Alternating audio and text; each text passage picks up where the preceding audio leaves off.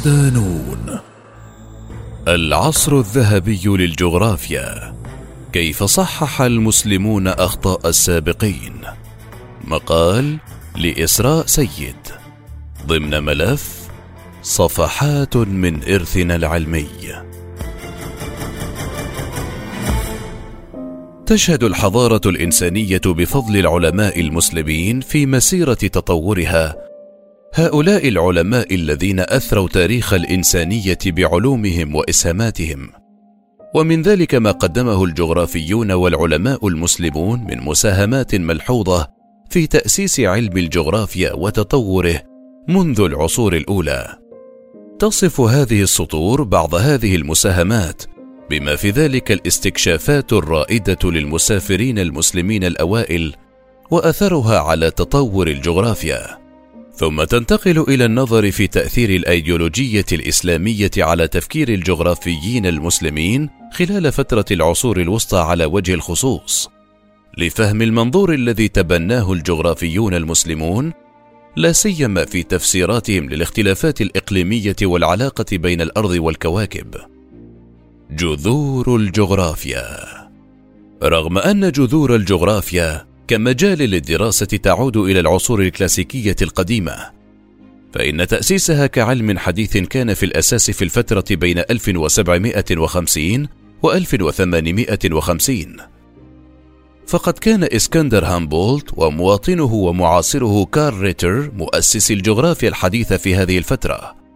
لكن من السهل أن يدفع المرء إلى الجهل بأهمية العلماء السابقين الذين وضعوا الأسس في العصور الكلاسيكية القديمة وعصر النهضة الذين كانوا علماء عرب من العصور الوسطى التي امتدت من القرن الخامس إلى الخامس عشر الميلادي. وهي الفترة التي تعرف باسم العصور المظلمة في تاريخ أوروبا. وتميز خلالها العلماء بلا شك بنقص البحث العلمي والتطورات العلمية في أوروبا لأنهم رفضوا أي شيء لا يؤكد عقائد الكنيسة. انتهت المساهمات اليونانية والرومانية في الجغرافيا التي سبقت العرب. انتهت المساهمات اليونانية والرومانية في الجغرافيا التي سبقت العرب بزوال الإمبراطورية الرومانية في القرن الخامس الميلادي. وكان هذا هو الوقت الذي بدأ فيه العصر الجغرافي المظلم. فبسبب هيمنة الكنيسة وقلة الاستكشاف اختفت كلمة الجغرافيا تقريبا من المفردات العادية. بدأ الركود المظلم للجغرافيا الأوروبية مع انهيار الإمبراطورية الرومانية الغربية عام 474 وقد نجت نسخ قليلة من النصوص الجغرافية اليونانية والرومانية. في الواقع فقد العديد منها بالفعل لا سيما في مدينة الإسكندرية. فقد دمرت نحو أربعمائة ألف مخطوطة في حريق المكتبة الكبرى عام سبعة وأربعين قبل الميلاد.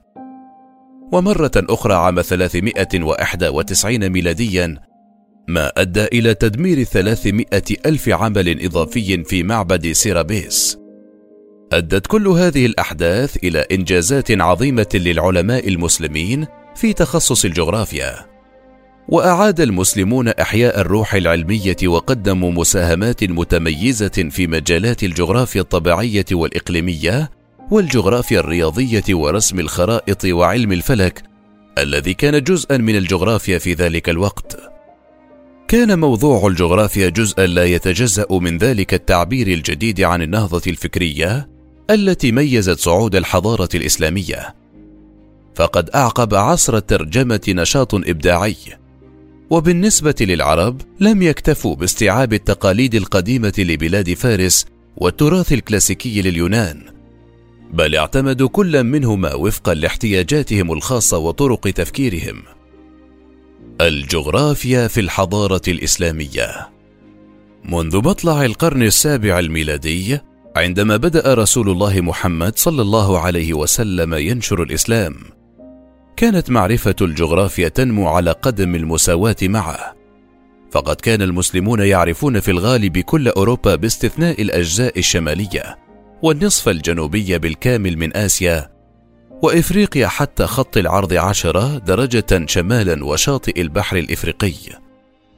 لقد قدموا لنا أيضا وصفا مفصلا للغاية للمناطق التي تبدأ من إسبانيا في الغرب حتى تركستان ونهر السند. يصفون كل شيء مثل المناطق المأهولة والأراضي الزراعية والصحاري ويتحدثون أيضا عن النظام الاجتماعي والثقافة والعادات في هذه المناطق وأصبحت معرفتهم بشكل عام أكبر من المعرفة اليونانية. يصفون العديد من المناطق التي لم يصل إليها اليونانيون مثل كوريا واليابان. ويقال إن اليابان وجدت في خريطة رسمها مسلم تركي في بغداد في القرن الحادي عشر. في القرن التاسع بدأت مرحلة جديدة. كان هذا العصر هو العصر الذي بدأ فيه المسلمون ينظرون إلى معرفة الثقافة اليونانية وغيرها من الثقافة. يمكن اعتبار العصر على أنه عصر بناء أرضية أساسية للعلم كبداية. في القرن العاشر ازدهرت الجغرافيا الإسلامية بالفعل. فظهرت العديد من التقاليد الجديدة مثل كتب البلدان والطرق والجغرافيا الرياضية والفلكية. وكتب المسلمون في هذه المرحلة العديد من الكتب التي تدرس موضوعات عديدة مختلفة. في مرحلة القرنين الحادي عشر والثاني عشر بدأ المسلمون في كتابة مجلدات الجغرافيا مثل معجم البلدان لمؤلفه ياقوت الحموي أحد أشهر جغرافيي الحضارة الإسلامية. وفي القرن الثالث عشر كان الجغرافيون يرددون ما كتبه الجغرافيون المسلمون في القرون السابقة. أدت الأعمال الجديرة بالثناء لعلماء عرب بارزين في النهاية إلى التنوير الأوروبي أو ما يسمى عصر النهضة الذي كان نتاجا حقيقيا للجهود الإسلامية.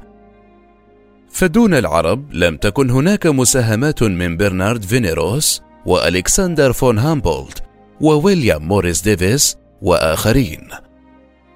رغم حقيقة أن العالم الأوروبي نفسه قد نسي التراث اليوناني في الجغرافيا فقد حمل العرب الرايه عاليا وكان الاتصال التقريبي إلى حد كبير مع العالم العربي وترجمة كتبهم بما في ذلك إعادة ترجمة الأعمال اليونانية من الترجمات العربية سببا في إحياء تلك الجغرافيا كعلم في القرن الخامس عشر في أوروبا.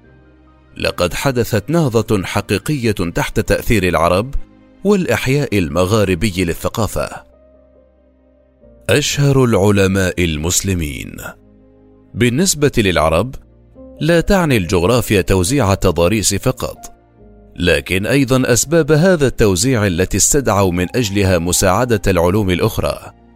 وهكذا أدرجوا في هذا المجال شرحا تاريخيا للسمات الطبيعية وصياغة القوانين العلمية وأيضا دراسة السمات الاجتماعية والاقتصادية للإنسان على سطح الأرض. وجعلت معالجتهم للموضوع ومساهمتهم في مجال الجغرافيا ذات قيمة. قدم العلماء المسلمون مساهمات بارزة في مجالات الجغرافيا الطبيعية والرياضية والإقليمية.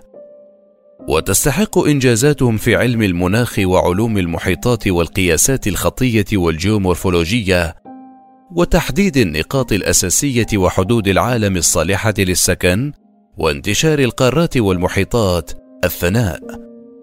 على مدار القرن صادفنا مجموعة من المفكرين والعلماء المسلمين الذين لم يعيدوا إحياء العصر الكلاسيكي فحسب بل وضعوا أيضا أسس العلوم التجريبية. البتاني الذي عاش بين 858 وتسعمائة وتسعة وعشرين. محمد بن جابر بن سنان البتاني عالم مسلم كبير عرف في الغرب في العصور الوسطى باسم الباجينيوس أو الباجيني تشير الموسوعة الإسلامية إلى أن البتاني اشتهر برصد الكواكب وكان أحد الشخصيات البارزة في مجالات الهندسة ومواقع الكواكب وحساب النجوم. قال عالم الفلك الفرنسي لالاندي إن البتاني كان من بين عشرين عالم فلك على مستوى عال في العالم بأسره. ومن جداول البتاني قام عالم الفلك ريجيو مونتانوس ببناء التقويم الفلكي. ما جعل رحلة كريستوفر كولومبوس ممكنة. المسعودي. من عام 896 إلى 956 كان أبو الحسن علي ابن الحسين المسعودي المعروف بهيرودوت العرب. من الأوائل الذين أعطوا علم الجغرافيا أهميته بترحاله وجديته وعنايته الفائقة.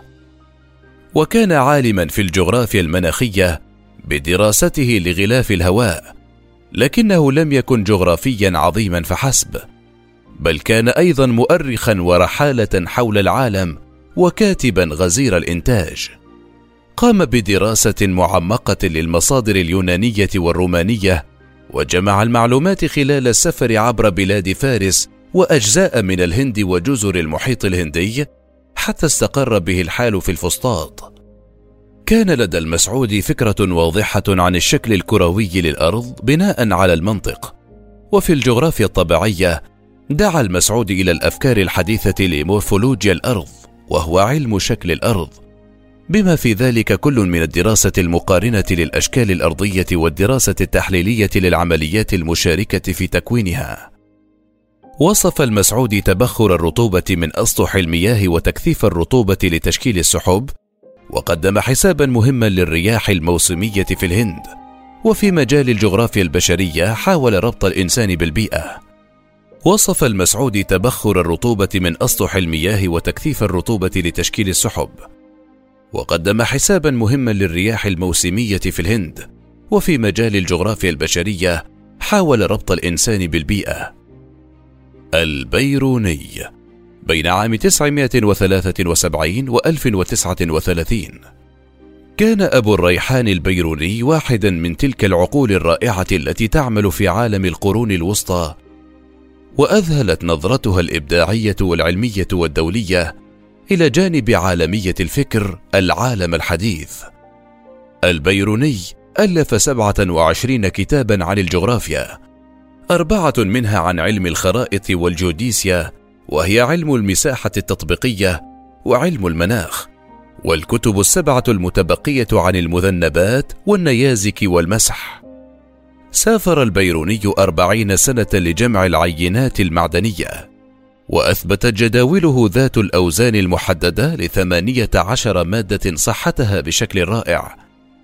اكتشف أيضا أن الضوء ينتقل أسرع من الصوت ومن أكثر أعماله تألقا كتاب الأسرار الباقية عن القرون الخالية وهو تسلسل زمني للدول القديمة ويحتوي على التفاصيل الدقيقة للمعلومات الجغرافية والتاريخية.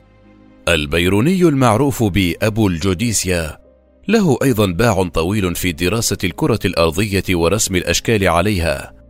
لكن الأهم من ذلك أنه كان العالم الوحيد الذي قاس محيط الكرة الأرضية بدقة متناهية وله معادلة باسمه معادلة البيروني. اعترف البيروني في كتاب تحقيق ما للهند من مقولة معقولة في العقل أم مرذولة عام 1030 بأهمية الأحجار المستديرة في جنوب جبال الهيمالايا وأشار إلى أن الحجارة أصبحت مستديرة في أثناء تدحرجها على طول الجداول الجبلية الغزيرة كما أدرك أيضا أن المادة التي تسقط بالقرب من الجبال تكون أكثر خشونة في الملمس وتصبح أدق في الملمس بعيدا عن الجبل.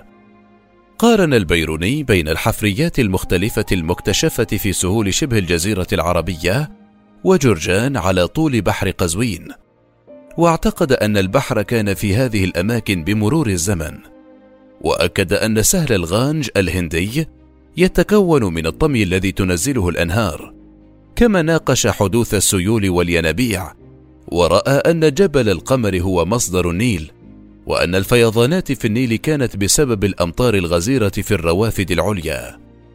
يقر المؤرخ جورج سارتون بشهرة البيروني العلمية.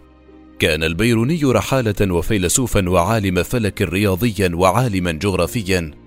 كان من أعظم علماء المسلمين الموسوعيين في كل العصور. الإدريسي بين 1099 و 1180 أبو عبد الله محمد بن محمد الإدريسي هو عالم إسلامي بارز من كبار الجغرافيين في التاريخ ومن مؤسس علم الجغرافيا الحديثة في عمر الستة عشر بدأ رحلته باستكشاف شمال إفريقيا والسواحل الجنوبية لأوروبا وقام بأكبر تصحيح شامل للأفكار الخاطئة التي أرساها بطليموس ومع بلوغه ذروة الإبداع في هذا المجال أثار الإدريسي ثورة في المعرفة الجغرافية عند العرب. كان الإدريسي من خبراء علم البحار، وهو أول من حدد مصير نهر النيل، وأول من جسد كروية هذا العالم. عندما دعاه ملك صقلية روجر الثاني لرسم خريطة محدثة للعالم فاستخدم بيضة ليوضح للملك موقع الأرض من الفضاء فأمر الملك بنقش خريطة العالم على كرة من الفضة. كانت تجربة الإدريسي أول مجسم دقيق للكرة الأرضية صنع حتى ذلك الوقت. وحدد عليه المناطق الجغرافية والمناخية المتباينة والمسافات بين الأماكن المأهولة بالسكان. وكذلك مواقع المدن بدقة مستعينا بخطوط الطول والعرض التي اعاد تدقيقها مرة أخرى لإظهار اختلاف الفصول بين الدول. قضى الإدريسي خمسة عشر عاما في جمع بيانات حول العالم من خلال رحلاته لينتج أحد أعظم الأعمال الجغرافية في التاريخ نزهة المشتاق في اختراق الآفاق وهو كتاب في الجغرافيا الوصفية والسياسية والتاريخية أهداه لملك صقلية روجر الثاني وتضمن خرائط ومعلومات جغرافية دقيقة وإشارات إلى الإنجازات الإغريقية والعربية وترجم عمل الإدريس إلى اللاتينية وظل مرجعا لأكثر من ثلاثمائة عام. وعرف في الأواسط الأوروبية باسم كتب روجر أو الكتاب الروجري. صحح الإدريسي المعروف بأطلس المعرفة فكرة المحيط الهندي المغلق واعتبار بحر قزوين خليجا لمحيط العالم، كما صحح مسارات العديد من الأنهار بما في ذلك نهر الدانوب والنيجر وموقع العديد من السلاسل الجبلية وأظهر أن التقسيم اليوناني للعالم إلى خمس مناطق مناخية لا يتوافق مع الواقع وابتكر تصنيفا مناخيا خاصا به فقد تضمن كتابه خريطة عامة للأرض وسبعة خرائط فرعية تمثل الأقاليم في العالم وكانت خرائطه أساسا مباشرا ومهما في اكتشاف كريستوفر كولومبوس لأمريكا. أبو الفداء بين 1273 و1331 كان أبو الفداء من العلماء المسلمين اللامعين في العصور الوسطى. كتب كتابا عن الجغرافيا اسمه المختصر في أخبار البشر المعروف بكتاب تاريخ أبي الفداء. في هذا الكتاب مقدمة طويلة عن العوامل الجغرافية يتبعها ثمانية وعشرون قسما تتناول في شكل جدول المدن الرئيسية في العالم المعروف آنذاك. تمت ترجمة أجزاء من عمله منذ عام 1650 في أوروبا، كما كتب تقويم البلدان الذي طبع عدة طبعات في أوروبا وسمي جغرافيا أبي الفداء. ابن بطوطة بين 1304 و 1377 كان محمد بن عبد الله اللواتي الطنجي المعروف بابن بطوطة مستكشفا مسلما عظيما ففي القرن الرابع عشر الميلادي قام برحلة في أرجاء العالم لم يكن في حسابه في بدايتها أنه سيرسم للأجيال من بعده صورة صادقة عن العالم الإسلامي في عصره. استكشف ابن بطوطة مناطق شمال إفريقيا وغرب آسيا، وأبحر على طول ساحل إفريقيا إلى جزيرة كيلوا عشر درجات جنوب خط الاستواء أدى هذا إلى التأكيد على أن المنطقة الاستوائية صالحة للسكن دحضا لادعاءات بطليموس. كما سافر في رحلته الثالثة إلى مكة وبلاد فارس وبخارى وسمرقند وأفغانستان ودلهي. كما زار العديد من الجزر بما في ذلك سيلان وجاوا وسومطرة وقطع مسافة نحو خمسة وسبعين ألف ميل وهو رقم قياسي في ذلك الوقت. ويلقي كتابه رحالة الضوء على التربة والزراعة والاقتصاد والتاريخ السياسي للعالم الإسلامي آنذاك. ابن خلدون بين 1342 و 1405 عالم إسلامي معروف ساهم بشكل كبير في تطوير الجغرافيا الحديثة وفي كتابه مقدمة ابن خلدون حدد مجموعتين من القوى التي تؤثر على تقدم الإنسان. الأولى البيئة المادية والثانية البيئة الاجتماعية المستمدة من الثقافة والمعتقدات بدلا من البيئة الطبيعية. كان هذا انجازا عظيما في عصره. لهذا السبب لاحظ المؤرخون أن ابن خلدون اكتشف النطاق الحقيقي وطبيعة الاستقصاء الجغرافي. فقد أسس الجغرافيا التاريخية في كتاباته التي تتحدث عن قيام الإمبراطوريات وسقوطها ويناقش ابن خلدون المدن وموقعها الصحيح. تكمن أهمية المساهمة العربية في تأريخ الجغرافيا الحديثة في أن تطور المعرفة الجغرافية في العالم العربي مثل من بعض النواحي تطورا إضافيا على القاعدة الأصلية التي قدمها الجغرافيون في اليونان القديمة. الذين ترجمت أعمالهم إلى اللغة العربية وتستخدم على نطاق واسع من العلماء العرب. وبعد مرور قرون ما زالت إسهامات ومؤلفات المسلمين في الجغرافيا تحتل مكانا مهما حتى يومنا هذا لأن المعلومات التي تتضمنها تزيد علمنا بالجغرافيا التاريخية وبالتالي تنمي معلوماتنا عن تاريخ الأمم.